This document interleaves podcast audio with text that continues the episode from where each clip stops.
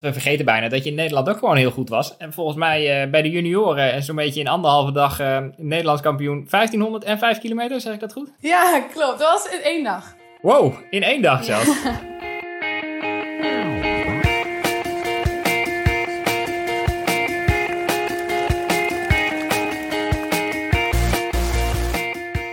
Welkom bij de 56e aflevering van Suzy Q&A, de podcast over hardlopen, training en wedstrijden. Ik ben Olivia Heimel, hoofdredacteur van Runner World. En aan de lijn heb ik niet alleen Susan Crummins, maar ook atlete Jasmine Abes. Abbas, die net als Suzanne vroeger in Amerika traint en studeert, waar we het zo natuurlijk uitgebreid over gaan hebben. Uh, maar Suzanne, eerst even naar jou. De spelers staan op het punt te beginnen. En de laatste keer dat ik je sprak, kon je nog niet zo heel veel. Hoe gaat het nu? Ja, ik ren nu een stuk meer. Dus uh, ja, het is een beetje... Ik heb hier nog een week in St. Moritz. Dus ik heb niet meer zo heel veel tijd over. En in de afgelopen, nou, 2,5 week heb ik heel goed kunnen trainen. Maar ik, uh, ja, ik zit wel op een soort van programma. We noemen het gewoon eigenlijk uh, programmaatje alles hard. Dus ik ga gewoon om de dag, doe ik gewoon een kwaliteitstraining. En kijk, in, in 2,5 weken of zo kun je niet echt overtraind raken. Dat is natuurlijk te kort om dan, uh, om dan helemaal... maar je doet je best. ik doe mijn best in ieder geval. Ik doe wel iets wat ik nog nooit eerder gedaan heb. En ik vind het heel leuk, want ik vind zware trainingen sowieso heel leuk om te doen. Uh, maar ja, dus om de dag hard. Dus de anderen moesten al lachen van... Ja, kijk, toen ik weer een beetje meer kon gaan lopen... toen had ik het er met Nick over. We kunnen nu wel proberen mijn programma dan in het programma te passen... met die anderen die al zes weken op hoogte gewoon normaal hebben kunnen trainen. Maar ik moet nu gewoon doen... Ja, waardoor ik het beste op de spelen sta straks. En ja, dat is nu eventjes inderdaad gewoon lekker alles hard. Dus leuk. Ja, dat lijkt me heerlijk. Alleen, je, je loopt natuurlijk nog niet zo heel lang. Die weken daarvoor, die waren best wel frustrerend, stel ik ja, je zo voor. Super. Ja, dat was uh, niet zo leuk. Dat was, uh, ja, het, heel veel cross trainen, heel veel elliptico, heel veel op de mountainbike, uh, aqua joggen. Allemaal dingen die ik inderdaad niet leuk vind om te doen. En ja, tegelijkertijd was natuurlijk mijn eigen trainingsgroep hier ook. Dus dat, dat was nog wel het lastigste eraan. Dat ik dan, ja, eindelijk is iedereen hier bij elkaar. Al die Aussies, Nieuw-Zeelanders, iedereen klaar om, om samen te trainen. En ja, ik kon niet lopen. Dus dat, dat was zeker frustrerend. Maar ja, ik ben nu gewoon blij dat ik, daar, dat ik er in ieder geval wel weer uit ben gekomen. Dus dat is een beetje. Ik kan wel blijven hangen in van. Nou, ik heb nu al die trainingen gemist. Maar ik ben gewoon blij dat het uiteindelijk wel opgelost is. En dat die Achillespees nu beter gaat. Maar ja, of het op tijd is, ja, dat, uh, dat uh, gaan we binnenkort zien, denk ik. Want je hebt tot 7 augustus, toch? Ja, ik heb tot 7 augustus inderdaad, ja. Dus en ik, je hoeft uh, geen series. Je hoeft gewoon één keer... Ja, ik nee, doe er heel makkelijk over, maar... Gelukkig niet. Dat zou 50 rondjes zijn, best veel. Hè? Dus uh, nee, gelukkig gewoon meteen finale. Het is leuk dat ze dat doen. Uh, en ik ga dus... Ik heb hier nog een week. En dan heb ik ook een hele week nog in Japan. En dan... Uh, kijk, eigenlijk zou ik eerder naar Japan gegaan zijn. Maar dat heb ik ook veranderd. Omdat ik dacht van ja... Kan beter nog wat meer tijd op hoogte, nog wat meer trainen. En dan, uh, nou ja, die, die warmtetraining, dat, daar heb ik dan een week voor om, om daar in ieder geval aan te wennen. Maar wat ik hier nu wel bijvoorbeeld ook doe, is dat ik na de training ook meteen in een warm bad ga zitten, weet je wel. Dus je kunt al wel, dat soort dingen kun je wel doen om vast een beetje dat, uh, dat uh, adaptatieproces, zeg maar, te beginnen voordat je in Japan bent.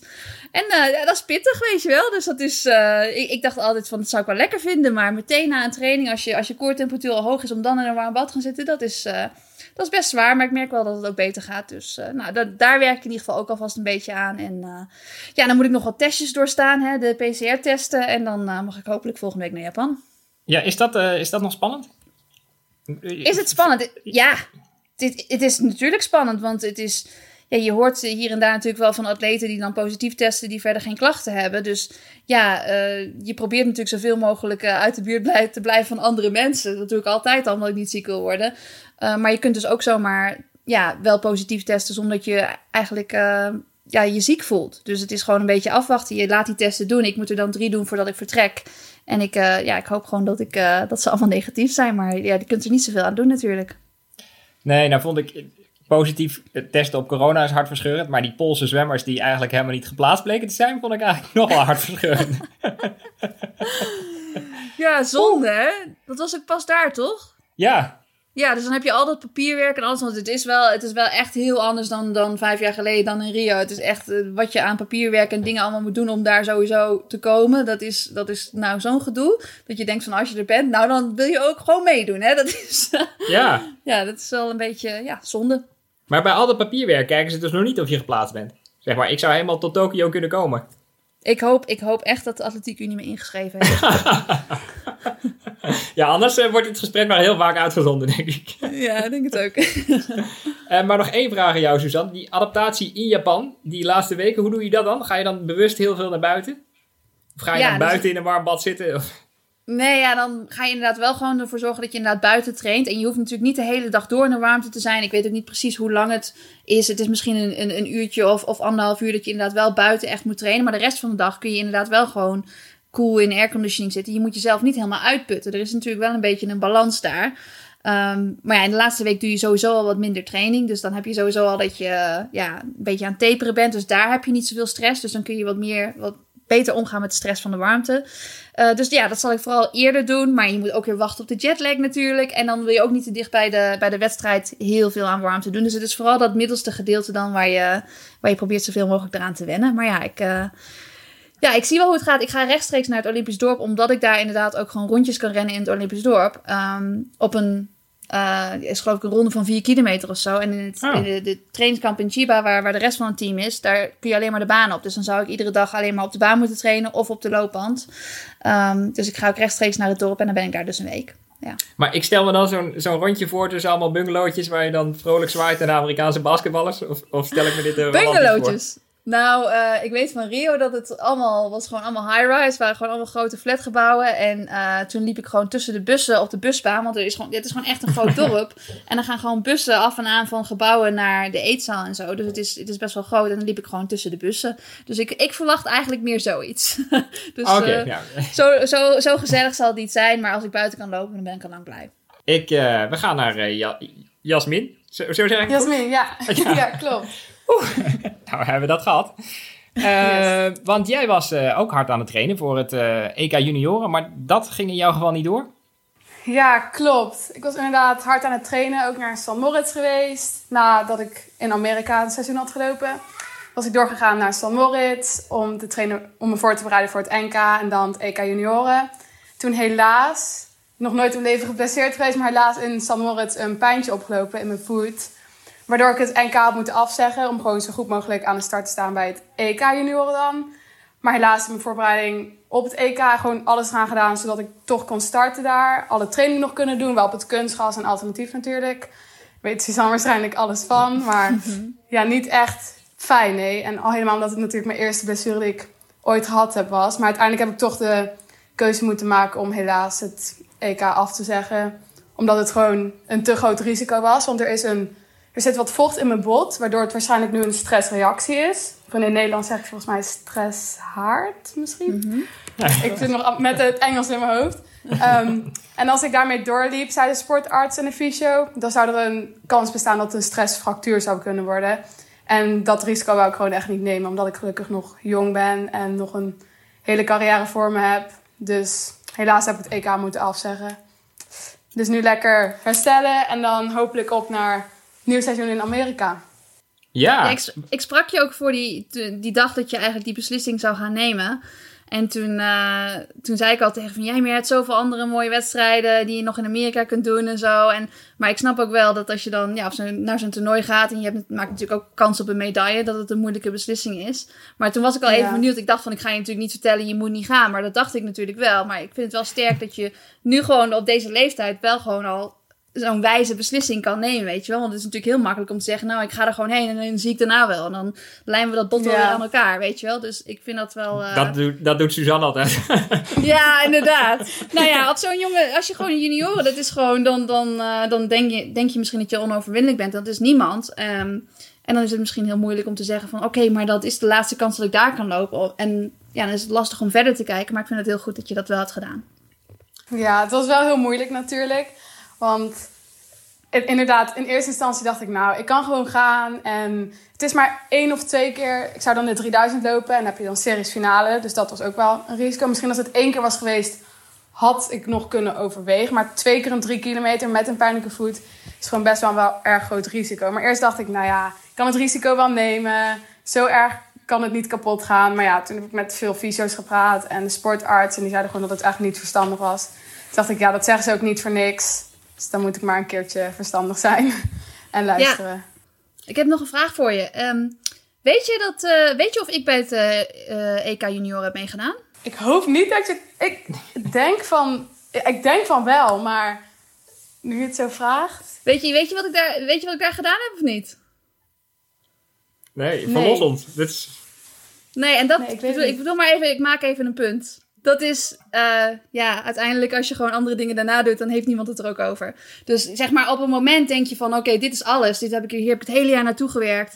Maar ja, over een paar jaar dan, dan heeft niemand het over wat je bij de junioren hebt gedaan. Meer dat je progressie hebt gemaakt richting de senioren. Dus, eh, Maar heb je nou meegedaan, Suzanne? Ja, ons Ik heb wel daar. meegedaan. Ik, eh, ik, heb, ik heb zilver gewonnen op de, op de 3000, maar daar hebben we het echt niet meer over. Dus het is, dat is, ja, en sowieso de meeste atleten die daar toen, waar ik toen tegen liep, die, die zijn sowieso niet meer actief als atleet. Dus het zegt, zegt sowieso heel weinig. Ehm, Zo'n resultaat bij een EK junior is natuurlijk wel goed als ervaring om mee te doen. Maar gelukkig zit je in Amerika en daar heb je genoeg ervaring met, met championship races. Ja. Dus dat, is, eh, dat komt wel. Ja, want jij zit in Amerika op dezelfde universiteit als Suzanne ooit, toch? Florida Ja. State University. Yes, klopt, klopt. Eh, Is dat toeval of, eh, of eh, heeft ze urenlang op je ingepraat? Ehm, nou, het is wel een beetje toeval. Maar ik moet zeggen, ik heb wel met Suzanne gesproken voordat ik erheen ging. Toen ik de keuze moest maken natuurlijk naar welke school ik ging. En Suzanne heeft wel gezegd dat het een leuke school was en dat ze een leuke tijd daar heeft gehad. Toen dacht ik, nou ja, ik geloof er. En eh, waarom niet? Ik ga het gewoon proberen. En ze had gelijk, het is echt heel erg gaaf. Echt een superleuke ervaring. Want ik heb al het idee dat ze daar heel hard trainen en heel streng zijn. Maar eh, ik zie jou helemaal stralen, dus dat valt reuze mee. Het valt mee, het valt mee. Natuurlijk in het begin, als je dan naar Amerika gaat, is het wel echt een hele erge verandering. Want er zijn echt heel veel dingen dat erbij komt kijken. Natuurlijk een nieuw land, nieuw eten, nieuwe manier van trainen. Maar ik zit er dan nu, nu heb ik twee jaar gehad. Dus ik word nu een junior. En ik heb nu wel echt heel erg naar mijn zin. Want ik ben er ook gewoon aangewend, lekker mijn eigen plekje. Het is wel heel erg wennen. Natuurlijk, ze zijn wel iets strenger dan in Nederland.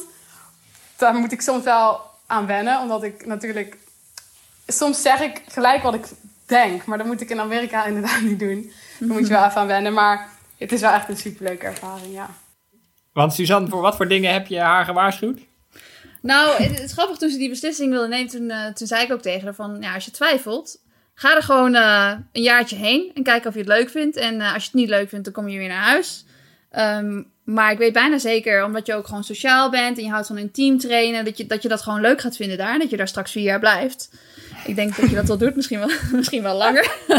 Ja, daar had ze wel gelijk in, ja. Dus ik heb, er niet, ik heb er niet echt voor dingen gewaarschuwd, moet ik zeggen. Meer gezegd van, nou ja, eh, het is een avontuur wat je aan kunt gaan. En, en ik denk dat je, dat je er, behalve dat je er een betere atleet van wordt, dat het ook een, ja, voor de rest van jou als persoon, dat het gewoon een hele goede ervaring is. En wat ze nu ook zegt van, ehm, ja, dat ze strenger zijn daar. Je, je, je leert wel, ja, als je als junior goed bent in Nederland, dan zeggen ze ook in het Engels zeggen ze dan eh, big fish in a small pond. Weet je wel, je, kunt, je, bent, je bent de beste in Nederland en je, en je mag alles. En eh, oké, hier krijg je sponsorcontract, hier dit en dat. En, en je bent een ster. En dan kom je in Amerika terecht. Nou, daar zijn heel veel goede atleten. En dan ben je gewoon onderdeel Ja. van een team. En je moet ook naar de coach luisteren en respect hebben voor de coach. En dat is denk ik in Nederland wat minder. Dus je leert wat meer dat je, nou ja, eh, je, hebt bijvoorbeeld ook de, de universiteit betaald voor jouw scholarship. Dus nou, je hebt ook verantwoordelijkheid en je moet ook eh, dat naar buiten dragen dat je, dat je een, een goede atleet bent en een gezonde levensstijl hebt. En eh, nou ja, niet lopen feesten en allemaal foto's daarvan op, op social media zetten. Want dan, zijn, dan worden de boosters, dat zijn dan de sponsoren die eigenlijk voor jouw scholarship betalen. Die worden daar niet gelukkig van. En die verantwoordelijkheid, ik denk dat je dat in, in Nederland als junior, dat je dat nog helemaal niet hebt. En dat het ook echt pas veel later komt als je wat meer ja, eh, misschien in de picture staat als je echt een van de beste in Europa wordt of zo. Dus ik denk dat wat dat betreft dat het wel goed is op die manier als je dan in Amerika bent, dat je wat sneller nou ja, leert dat het, ja, dat het wel uitmaakt eh, wat je uitdraagt naar anderen toe. En dat je wat beter leert om te gaan met de pers. Want ik denk dat je nu ook al wel iets met, met media en met interviews moet doen, toch? Ja, zeker. Ja, dus dat is allemaal, het zijn allemaal gewoon hele goede, ja, goede dingen om, om te oefenen in een, in een best wel gewoon gecontroleerde omgeving, zoals zo'n eh, Amerikaanse universiteit. En eh, dat je daar nu vier jaar bent en dan, nou ja, ook het verschil straks tussen jezelf ziet in het eerste jaar en het laatste jaar. Dat is natuurlijk, eh, dat is gewoon heel leuk. Zijn er al Engelse woorden die je voortdurend gebruikt of niet? Ik, heb, ik ken een, een, een meisje dat al, al het threshold zegt, maar Ja, het is sinds ik in Amerika studeer en dan kom ik weer terug naar Nederland. In het begin, de eerste paar dagen, denk ik nog heel erg in het Engels. Dan droom ik ook in het Engels. En in de ochtend begin ik met Engels praten. Maar nu ik dan weer een tijdje in Nederland ben, volgens mij denk ik wel weer in het Nederlands. Maar ik gebruik nog wel heel veel Engelse woorden tussendoor. Gewoon automatisch gaat dat. Omdat het gewoon zo erg in je hoofd zit, denk ik.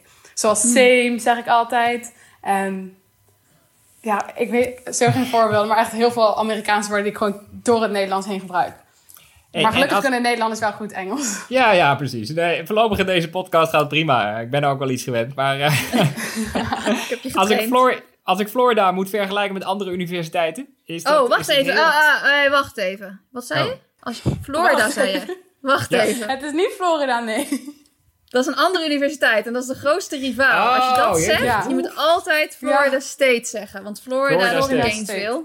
Oh, ja, oké. dat, is, dat zijn rivalen. Dat is zeg maar gewoon Nee, Vitesse NEC, weet je wel. Dat is gewoon Ja. niet. Oké, nou, ik ben blij dat we dat hebben Ja. rechtgezet. Als ik Florida Ja. State, in- je weet wel, niet Ja. Florida, en vergelijk met andere universiteiten zoals Florida, wat, eh, wat is het verschil dan? Ehm, Florida State, nou, vergeleken met de rest van Amerika, is het natuurlijk in Florida best wel erg warm. Ik denk dat dat ook iets goeds is. Want als je dan naar wedstrijden gaat ergens anders, gaat het soort van makkelijker voelen. Maar ik moet zeggen, in de val in Amerika is het wel echt... In Florida is het heel erg benauwd. Nou, ik denk niet zo benauwd als in Tokio. Misschien een beetje hetzelfde, maar in Florida is het wel echt heel erg warm om te trainen. En dan trainen we om half zeven in de ochtend en dan is het nog steeds dat je gewoon aan het zweten bent. Ik denk dat het ook al was toen jij er zat natuurlijk, Suzanne. Nee, wij Ja, en het trainen gewoon om twee uur 's middags. Dat is echt waar. Nee joh! Ja. Nee, echt? Dat is echt waar. Ja, Ze, maar het ze is- zijn soft geworden, ja. Ik, ik hoor het Ja, al. inderdaad. Nou, dan zijn we een beetje Nou ja. soft geworden, inderdaad. Tegen ons zeiden ze altijd van eh, humidity, it's the poor man's altitude. Dus als je niet kunt betalen om naar hoogte te gaan, dan ga je in, de, in, de, in, de, in een vochtig klimaat trainen en heb je hetzelfde effect inderdaad. Oh god. Nou, in de ochtend ga ik al best wel kapot in die hitte. Ja. Ik ben benieuwd hoe dat in de middag gaat zijn. ja. Ik, eh, ik heb een heleboel ingestuurde vragen voor je trouwens, dus daar ga ik gewoon eens even mee beginnen. Leuk. Het is eh, ons eerste segment, Ask Suzy. Stuur je vragen en dan probeer ik hem te stellen. Vraag van Kat Katrien S. Wat mis je qua eten uit Nederland? Oeh, qua eten. Nou, Amerikaans eten is best wel anders dan Nederlands eten natuurlijk.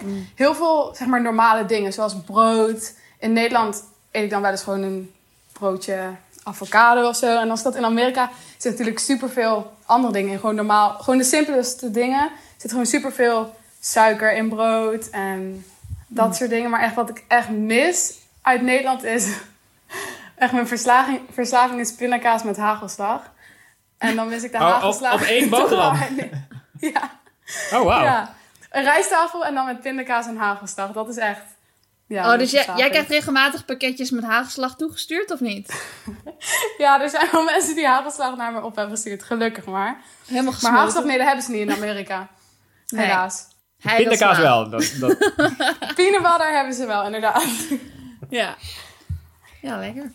Ehm, dan een vraag van eh Tjalling Galemaan, die ken ik toevallig.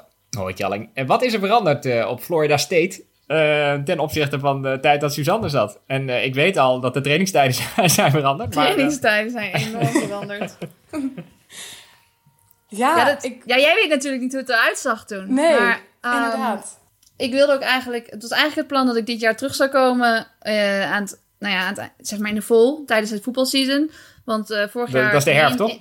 Ja, sorry, nee, dat was Ja. in 2020. Ik vergeet steeds dat 2020 ook gebeurd is. Maar eh, ik bedoelde eind 2020. Ehm, want in 2019 toen eh, kwam ik dus in de Hall, Hall of Fame. En toen hadden ze daar een soort van ceremonie voor. Maar daar kon ik niet heen, omdat ik naar Doha ging. En toen zeiden ze, nou dan verschuiven we het naar volgend jaar. En dan mag je dus tijdens een voetbalgame...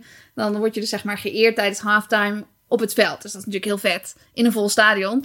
Maar ja, dat ging natuurlijk allemaal niet door in 2020. Dus uiteindelijk ben ik er niet geweest. Maar toen dacht ik van ja, dan kan ik eindelijk een keertje terug om te kijken hoe, hoe het daar veranderd is. Want ik ben er dus sinds 2009 ook niet meer geweest. Maar toen waren de faciliteiten al heel goed. Zeg maar, ja, je hebt een heel groot voetbalstadion. En, en er is dan een moorcenter in. En daar, daar deden wij al onze trainingen ook. Onze krachttraining, krachtfaciliteiten, ijsbaden. Ja, en zo. dat soort dingen waren daar allemaal. En ik, het, het is ongetwijfeld nog steeds, maar nu nog, steeds, nog beter, weet je wel. Want ja, toen ik daar bijvoorbeeld ook in 2000... In 2008, toen ik eh, naar NCA's ging, toen zag ik daar voor het eerst een AlterG, weet je wel. Dat, dat, dat werd toen pas net gemaakt. En ik denk dat nu de meeste universiteiten ook wel een AlterG hebben. Hebben ze hem daar, of niet? Ja, Ja, maar dat was toen dus nog helemaal niet. Maar verder zijn alle faciliteiten zijn natuurlijk gewoon ja, super mooi. En daar wordt ook steeds, ja, door die, door die boosters wordt er ook allemaal geld in gestopt, zodat het altijd het mooiste en het nieuwste is. Uh, maar goed, ik weet dat toen ik daar binnenkwam, dat ik dan, ja, dan hingen er allemaal van die foto's van atleten die daar voor mij waren. Ja, die jij al niet meer kent, weet je wel. Waarvan ja, want jij hangt er nu. Nou, ik... ja, ik hang, ik hang er nu. ja, in de, in de trackbuilding bedoel je toch? Ja, ja, inderdaad. Er hangen allemaal van die, van die, van die, van die banieren met, met foto's van, uh, van de atleten van, van, de vorige generatie, zeg maar. Ja, het is wel grappig dat ik daar nu hang. Ja, ja dat voor mij hingen daar dus andere atleten. ja. Dus over een paar jaar hang jij daar, weet je wel. Als ik dan terugkom, dan, dan kom ik even kijken. Dan kan de volgende Dutchje gaan kijken. Ja, ja dus inderdaad. Dus dat soort dingen veranderen steeds. En, en, en voor mij was er natuurlijk, waren er ook Nederlanders. Ik vind het wel leuk dat, dat, dat er wel die traditie ook blijft. Dat er veel internationale atleten zijn. Uh, bij de universiteit. Dat is ook niet bij iedere universiteit natuurlijk. Maar ik denk dat, ja, dat dat wel een beetje veranderd is. En ja, verder weet ik niet of er, of er nieuwe faciliteiten zijn. Hebben jullie een indoorbaan? Dat weet ik niet eens. Nee, we hebben geen indoorbaan, nee. Nee, daar, daar was... Natuurlijk door de hitte hoeft dat ook niet echt. Nee, ik weet dat ze het daarover hadden van, nou ja, dat ze bijna dat ze een indoorbaan wilden bouwen, zodat je dus eigenlijk uit de, buiten de hitte kon trainen. Dus zeg maar dat je in de airconditioning kon trainen. Dus niet, niet voor de oh, winter, maar juist voor midden in de zomer. Maar dat is dus uiteindelijk niet gebeurd. Maar uh, ja, wat er verder veranderd is. Ja, ik weet dat ik in, in, toen ik daar in 2006 dus kwam, het allereerste wat ik deed samen met mijn roommates was uh, voordat ik me ging uh, zeg maar inschrijven voor de lessen en alles, zei ze van nou moet je eerst een Facebook account aanmaken. Je kan niet zonder een Facebook account, dat kan niet, weet je wel, want dat was toen natuurlijk net helemaal hot. Dus uh, ik, ik denk dat dat wel veranderd is. Ik had ook geen, ik had zelf geen laptop, ik had geen internet op mijn telefoon of zo. Dus zeg maar voor atleten die dan in, in Amerika gingen studeren, het contact met, met Nederland, dat was, dat was wel iets lastiger, weet je wel. Dus ik denk dat dat ja, wel... dat is nu inderdaad makkelijk. Ja, een grote verandering is. Um, maar ja, verder. Het is ook wel grappig, Suzanne. Volgens mij de coach die jij hebt gehad. Nou, coach Brayman was volgens mij niet jouw coach, maar was toen al de head coach. Ja, en die wordt dit jaar, omdat onze, mijn coach, de coach Kelly heet zij, die gaat nu weg. Dus coach Brayman wordt onze coach. En die ah. altijd als hij mij ziet, zegt, ze, zegt hij: Hallo Sunshine. En hij zei dat hij jou ook altijd Sunshine noemde. Dat klopt. Hi Sunshine. Je doet me altijd denken aan Suzanne. Ah. dat is grappig. Hij heeft mij wel gecoacht. één jaar voordat inderdaad het allereerste jaar dat ik daar was. Uh, voordat we inderdaad een, een, vrouwencoach hadden. Eerst hadden we dus gewoon een mannencoach voor het hele team. Maar het is gewoon een super groot team. Dus dat is... Uh, ja. Toen kregen we daarna inderdaad een, een vrouwencoach erbij. Um, ja, dat is wel grappig inderdaad dat hij er nog steeds is. Maar ja, daarvoor zou ik natuurlijk ook wel een keertje terug willen... om dan daar weer een keertje nou, iedereen te zien die er inderdaad nog is. Maar uh, nou, dat komt nog wel een keertje. Ja, ja heel leuk. Nou, dan heb ik een, vraag over uh, je Nederlandse team. Want we vergeten bijna dat je in Nederland ook gewoon heel goed was. En volgens mij uh, bij de junioren en zo'n beetje in anderhalve dag uh, Nederlands kampioen 1500 en 5 kilometer. Zeg ik dat goed? Ja, klopt. Dat was in één dag. Wow, in één dag zelfs. oh, kijk. Ja, dat was vorige zomer volgens mij. Ja, klopt. Toen liep ik het NK. En toen was ik natuurlijk een best wel lange periode in Nederland door corona. Toen had ik mijn eerste semester eerste jaar denk ik in Amerika gehad. En toen mhm. zou het autoseizoen beginnen. En auto is gewoon mijn favoriete ding. Dus ik had het hele crossseizoen overleefd. Toen had ik in de gelopen. overleefd. Nee, cross is natuurlijk ook leuk. Maar baan is wel echt mijn ding. Mijn favoriete ding. En toen zou eindelijk auto beginnen. Waar ik echt een jaar op had gewacht. En toen kwam corona. Dus toen moest ik mhm. helaas naar Nederland. Nou, helaas. Het is natuurlijk ook leuk om in Nederland te zijn. Maar ja, dat was natuurlijk niet het plan. Dus toen kwam ik naar Nederland. En toen kwamen hier wel wedstrijden. Dus toen liep ik hier een paar baanwedstrijden. Toen hadden we ook nog een NK. En toen had ik inderdaad, was ik Nederlands kampioen op de 1500 en de 5 kilometer geworden. Dus dat was superleuk. Nice. nice. Uh, en dat is volgens mij bij running team Simba, zeg ik dat goed? Daar komt een vraag over van uh, Kiara Sluipers. Hoe bevalt het daar? Ja, running team Simba, dat is uh, een soort ja, nieuw. Het is nu 1 à 2 jaar oud. Daarvoor trainde ik bij Team Zeeveuvelen. En mijn trainer bij Team Zeeveuvelen is Martijn Venhuizen. Die um, werd dan, had een nieuw team opgericht, Running Team Simba. En daar ben ik ben gewoon met hem meegegaan. Want ik en Martijn werken gewoon super goed samen. En Running Team Simba is super leuk. Ik trainde samen met Manjuri. Dat is zeg maar, mijn trainingsmaatje waar ik al heel lang mee trainde. Dus we waren samen naar Running Team Simba gegaan. Gewoon nog steeds bij Martijn. Maar helaas is Marjorie al een tijdje geblesseerd. Dus op dit moment train ik wel alleen helaas bij Running Team Simba. Maar omdat ik en Martijn gewoon super goed werken, vind ik het ook niet heel erg. Ik vind het super leuk om met mensen te trainen. Maar gelukkig heb ik dat dan wel in Amerika. Daarom vind ik de afwisseling ook heel leuk. Want in Amerika heb ik gewoon elke dag mensen om mee te trainen. Dat is ook een van de dingen waarom ik Amerika zo leuk vind. En dan in Nederland moet ik wel even alleen trainen. Maar ja, dat is dan, Mhm. is dan maar zo. Niet super erg. In, in Amerika heb je, met, wel- met welke nationaliteiten trainen? Zijn het vooral Amerikanen of ook uit andere landen? Ehm, vooral Amerikanen. We hebben ook een meisje uit Australië. Ah, Twee meiden uit Australië. En een meisje uit Engeland. En dan ik. dat is ook wel super leuk. Ja, heel veel internationale contacten die je tegen gaat komen. Dat is leuk. Ja, precies. Ik heb nu contacten over de hele wereld een beetje. Dus dat vind ik leuk. Dan kun je straks on tour. Jasmin on tour. Ja, precies. Jasmin on tour. Wat, met jouw Australische contacten, Suzanne, waar je nu mee traint, ken je die ook van de universiteit? Eh, of zijn die gewoon via je coach in je leven gekomen? Ja, via mijn coach. Maar eh, een aantal van die atleten zijn wel ook... Die hebben ook in Amerika gestudeerd. Dus Jen bijvoorbeeld, die, die, die ging naar Florida in Gainesville. Dus wij zijn eigenlijk rivalen. Oh, ja. Dus dan zeg ik altijd Ja, van, ja. Oh god. Ja, oké, dat we kunnen wel een keertje een uitzondering maken en samen trainen. Eh, nee, dus ik, ik, ik, ik, ja, ik ken haar wel van die tijd, maar toen hadden we natuurlijk geen contact, want je gaat niet met iemand, je gaat niet met een gator om. Dat, eh, dat is niet te doen natuurlijk. Ja. Nee, nee dus, eh, maar uiteindelijk bleek ze toch wel mee te vallen. Dus, eh. nee, maar het is, eh, ja, dat, is wel leuk inderdaad, je gewoon allemaal internationale contacten hebt. En ik heb natuurlijk gewoon Andrew ook leren kennen in Florida, dus het is, ja, het is, het is sowieso het kan je je hele leven een andere richting geven dan, dan wat je eigenlijk van tevoren bedacht had. Dus ja, dat is wel, het, het is wel een mooi avontuur natuurlijk. En ik krijg ook een vraag, die kunnen jullie allebei wel beantwoorden, denk ik, van Colorful Vloed. Is er in Amerika een andere mindset? Is dat iets wat jullie merken?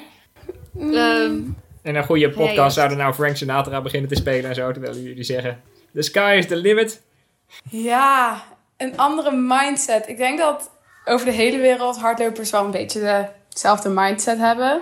Natuurlijk, want iedereen wil natuurlijk het beste uit zichzelf halen.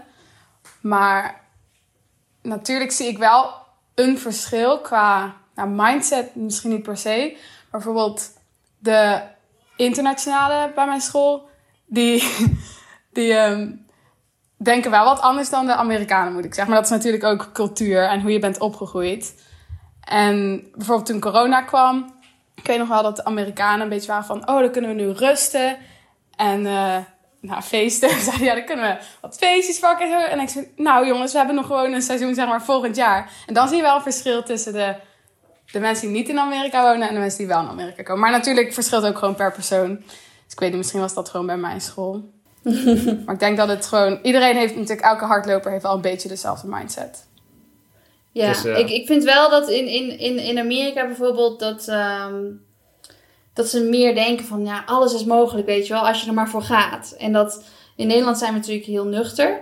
En ik, voor mij was dat vooral heel duidelijk toen ik, in, eh, toen ik in 2012 zoiets had van ja, ik weet niet of ik wel door wil gaan. Ik heb de Spelen gemist. En nou ja, weet je wel, het- misschien is het toch niet voor mij dat hardlopen. En toen waren het vooral de Amerikanen die zeiden als je maar denkt dat er 1% kans is dat je de volgende spelen kunt halen, dan moet je ervoor gaan, weet je wel. En ik denk altijd van ja, het is een beetje, een beetje overdreven en onzin. Maar ja, als je genoeg mensen hebt die dat tegen je zeggen, dan, dan werkt dat uiteindelijk wel. En ik heb wel het idee dat in Amerika ook bijvoorbeeld ehm, atleten met minder talent, dat die er toch meer uit weten te halen. Omdat ze dat goede supportnetwerk hebben van mensen die gewoon erin geloven. En die zoiets hebben van ga er gewoon voor, weet je wel. En ehm, ja, ik, ik denk dat dat, ja, dat komt natuurlijk ook wel helemaal door hoe het is ingericht en hoe professioneel het is, weet je wel. Ze, ze- Ja. ze doen er ook alles aan, weet je wel. Je hebt je trainers die ervoor zorgen dat je, niet, dat je zeg maar, niet geblesseerd raakt en wel zo hard mogelijk kunt trainen. Ehm, ja, en ik, ja, ik denk wel dat ze, dat ze daar wel meer leven voor de sport. En dat is wel echt iets heel moois. En ik, ja, het zou mooi zijn als dat Ja. in Nederland ook was. Ik zie dat in Australië ook wel wat meer. En ik denk dat het een hele goede omgeving is voor een atleet om zeg maar ehm, van junior naar senior die, die, die, die, die, die transitie te maken. Maar daarna moet je ook wel leren om keuzes te maken voor jezelf. Want je ziet nu ook, je kunt ook blessures krijgen als je heel hard traint. Dus ergens is daar wel een grens van hoe hard je kunt trainen. Ehm, zeg maar, het harde trainen is niet het lastige eraan natuurlijk. Hè? De hard trainen is leuk. Maar om ook gezond te blijven en hard te trainen, dat is uiteindelijk de uitdaging. En ik hoop dat ze zoveel mogelijk nou, tools en zo meegeven in Amerika, zodat je dat zeg maar daarna ook kunt. Maar het is natuurlijk, ja, in die, in die veilige omgeving is dat wel is dat makkelijker. En ik denk dat ze dat op die manier wel heel goed hebben neergezet. Want hoe is dat in de hiërarchie? Jij zegt sporters worden toch een beetje op schild gehezen. Maar is het dan zo dat basketballers de echte helden zijn en American voetballers daarna en atleten er een beetje bij hangen? Of, of zijn jullie echt wel. zeg maar, word je herkend op straat of op de campus? campus? Ik word niet herkend op de campus, maar je ziet natuurlijk wel.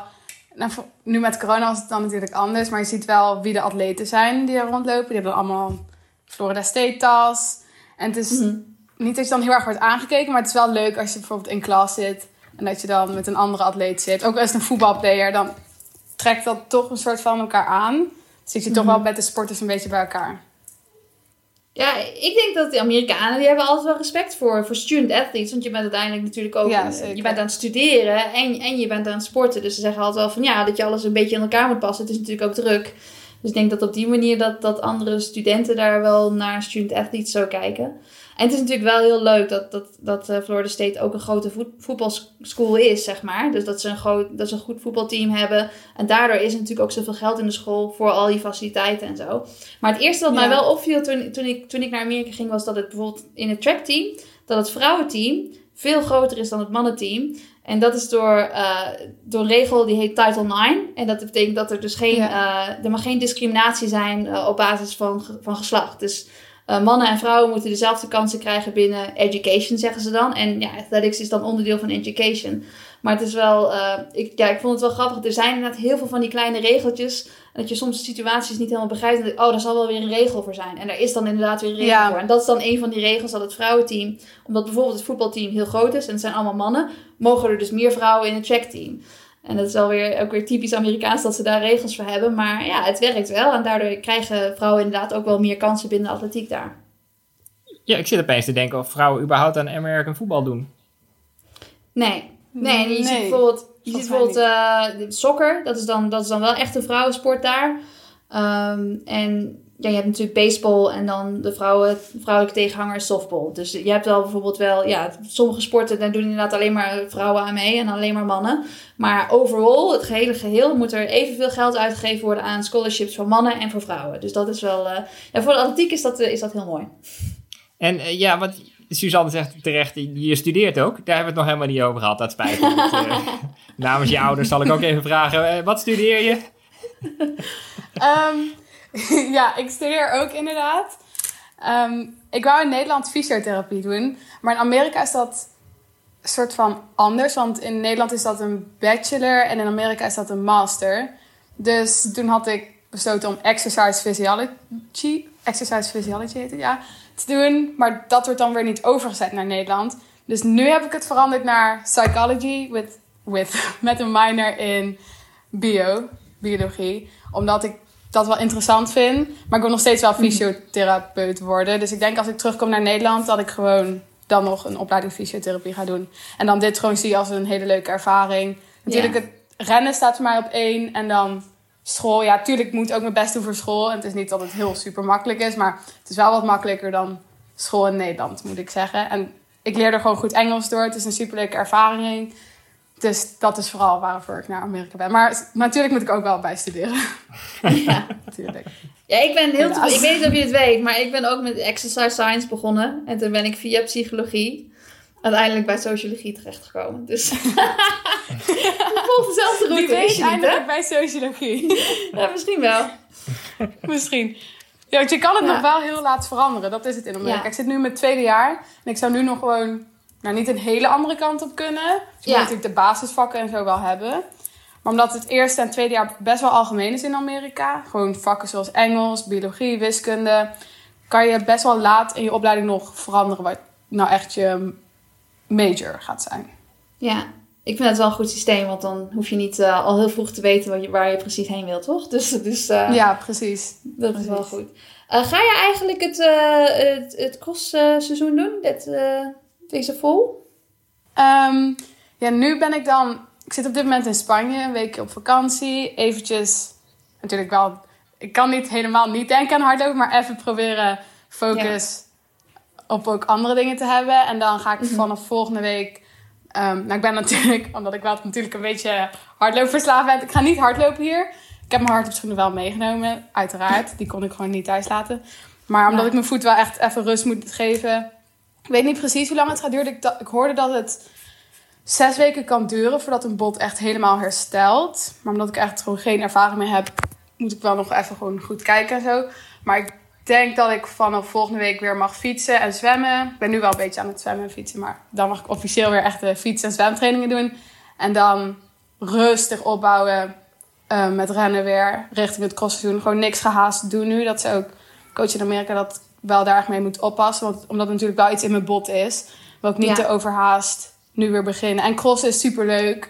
Hm. En ik hoop echt heel erg dat ik nog crosswedstrijden kan lopen. Maar ik wil niet het te overhaast doen dat ik dadelijk nog langer eruit lig. Ja, Want het gaat voor mij wel om het basisseizoen natuurlijk. Dat Ja, is maar- wat ik het leukste vind. Het is natuurlijk wel een goede basistraining, maar het is eh, zes kilometer nog steeds, toch? Gewoon? Ja, de wedstrijd? inderdaad. Het is best wel ver natuurlijk, maar ik denk Ja. wel dat als je dat doet, dat je dan heel sterk eh, de winter uitkomt. Wat, wat, Ja, vind je van, zeker, wat vind je van de crossparcours vergeleken met Nederland? Ja, heel anders inderdaad. Ja, we hebben natuurlijk de ARP. Was die er ook al toen jij er zat? Nee? Nee? Nee. Oh, we hebben Vertel, wat is de ARP? Bij, eh, Is De het een nieuw parcours? Ja, dit is onze eh, crossparcours van, tele, ja, van FSU. Is dat Nikisuki of niet? Nee, nee, nee. Het is aan de andere kant. Het is richting ehm, TB2, als je die nog kent. Tom Brown. Oh ja, Je weet wel. ik. Ja, ik weet het. Je weet dat die, Tom Brown. die ene. Ja, we hebben dus een crossparcours. Die is dan... Het is een hele mooie ronde. En dan heb je... Gaat eerst een beetje naar beneden. En dan heb je één wall. Die is wel echt een hele erge muur. Die moet je dan op. En dat rondje doe je dan twee keer. En ook dit jaar is Nationals bij ons. Dus dat is superleuk. Het is wel echt een mooie crossparcours. Wauw. Er gaan ook heel veel Ja. wedstrijden bij ons zijn. Dus komt iedereen van het hele land naar Tallahassee toe. Dan zijn we wel in ons voordeel. Dat we natuurlijk in de warmte al trainen. Want die gaan we dan allemaal dat je eraan gewend bent. zwaar krijgen. Ja. Dus ik hoop heel erg dat ik dan in ieder geval weer fit ben. Dat ik wel gewoon nationals kan lopen. ja. Dus ja, daar heb ik zin in. Sorry, wat was je vraag ook weer? Ik ben helemaal afgestapt. Nee, ja, het crossparcours. Maar ja, dit is, dit is natuurlijk, je zegt al, de wall. eh, Ja. je noemt het de wall. Eh, heb je daar een training over van, je moet de wall opkomen, of niet? Ja, nee, klopt. Het crossparcours in Amerika is wel echt een stuk anders dan in Nederland natuurlijk. Heel veel golfparcours. Golf. Ja, golfcourses, ja. Ja. golfcourses. En ja, gewoon over gas heen. Sommige zijn ook gewoon een stuk minder zwaar, moet ik zeggen. Maar bijvoorbeeld afgelopen jaar, dan in Nederland dan. Want in Nederland moet je door modder heen en alles. Maar in Amerika is het vooral op gas. Afgelopen jaar had ik Nationals Cross hadden we in Oklahoma. Dat was dit jaar nog eigenlijk, in maart. Mhm. Maar toen hadden we dus het crossseizoen en het indoor-seizoen tegelijk. En wij hadden ze- ons gefocust op, op indoor. maar we deden toch wel mee met de Nationals. En ze hadden mij getraind op de 800 meter. Want ik had, we hadden dan de DMR gehad. Dat is een eh, distance relay in Amerika. Dus estafette met Oh, is mijn 400 favoriet. meter. Ja, 800 meter, 1200 meter en 1600. Echt super leuk. En dan ben je ook echt gewoon een team. En daar hadden we dus heel erg op getraind. En ik was de 800 meter loper voor onze school. Ze hadden mij heel erg korte trainingen laten doen. En dan was die estafette was op vrijdag volgens Nee, donderdag. Toen waren we derde geworden van het land. Dus dat was natuurlijk een super prestatie ook gewoon voor de school. Mhm. En toen twee dagen daarna waren we naar Ar- eh, Oklahoma gereden. Van Arkansas naar Oklahoma om de cross te lopen. En ik mocht... Ja, ik stond ook in het team voor de cross. Dus zes kilometer. Maar ik had er helemaal totaal niet op getraind. Ja. Ik lag nu wel, maar het was echt niet zo grappig. dus ik ging helemaal kapot. Ja, na vier kilometer ging het lampje uit. Toen Ja. ben ik gewoon ook een paar keer gevallen de laatste twee kilometer. Ik heb wel de finish gehaald. Ik weet even niet meer hoe. ja, maar dat is lekker, dat heel Amerikaanse? Dat is mooi. Ik zeggen. Dat vind ik Ja, mooi. die vind Ja, ik dat mooi is- als je valt. Ja. Nee, maar dat, nee, maar dat is dan ook dat is dan echt met het team, weet je wel. Je, je scoort natuurlijk punten, Ja. dus dan is het heel belangrijk dat je voor het team doorloopt. En ik denk dat dat soort dingen, dat je dat dan meeneemt, weet je wel, als je ook zelf race. Ja. Dat dat wel mooi is, dat je weet dat je zo hard kunt vechten. Maar wat je Ja, ook zegt, van dat, het, dat het niet zo, dat het grappig was, maar eigenlijk niet. Ja, ik Ja. weet van, van de NCAA Championships, dat zijn crosswedstrijden waar gewoon meer dan 250 meiden aan de start staan. En Ja. daar rent iedereen op de eerste bocht af. eh, onder de drie minuten voor de eerste kilometer of zo. En dan is het zo van, je wil niet zo hard vertrekken. Maar als je dat niet doet, Nee. iedere 10 seconden die je langzamer gaat, zijn echt 60 plaatsen. Hè? Dus het is, Ja, daar, is daar het. leer je wel echt van een paar vechten. plaatsen.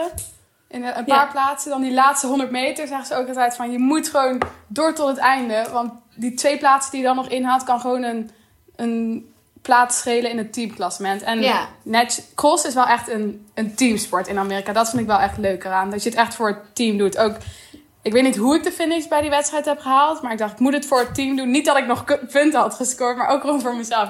Voor het Ja. team, voor mezelf. Ik moet die finish gewoon halen. Ja, dat Dus is wel ja. mooi. Dat is Dat wel... is inderdaad eh, mooi aan eh, cross in Amerika.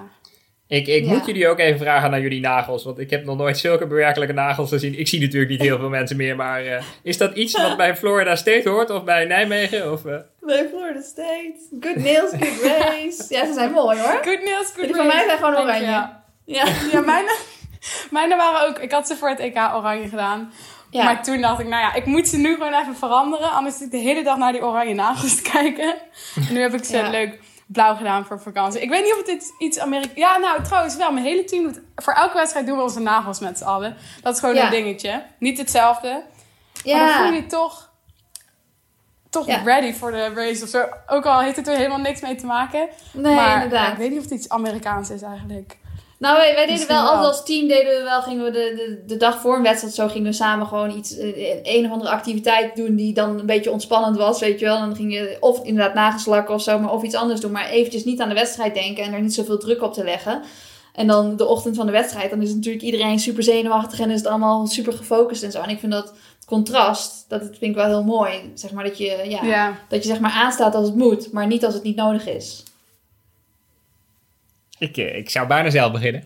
Ik, eh, dit was eh, trouwens zo'n beetje de laatste ingezonde vraag. Ehm, heb je ook een vraag voor Suzanne of voor mij natuurlijk? Mail hem dan naar mijn adres olivier.heimel.hurst.nl en wie weet komt jouw vraag dan wel in de volgende podcast. Jasmin, wat zijn jouw plannen voor de komende tijd? Je zei het net al een beetje. Eerst eh, bijkomen in Spanje en dan voorzichtig gaan trainen richting de muur. Althans de cross. De wol. Richting de wall. Ja, voor nu Hit is het heel eventjes... hit the wall. Heel eventjes eh, ja, rust pakken. Mijn lichaam even 100% laten herstellen. Want natuurlijk, het is wel een best wel lang seizoen geweest. Omdat in Amerika begint het baan seizoen al in januari. En dan in maart begint het outdoorseizoen.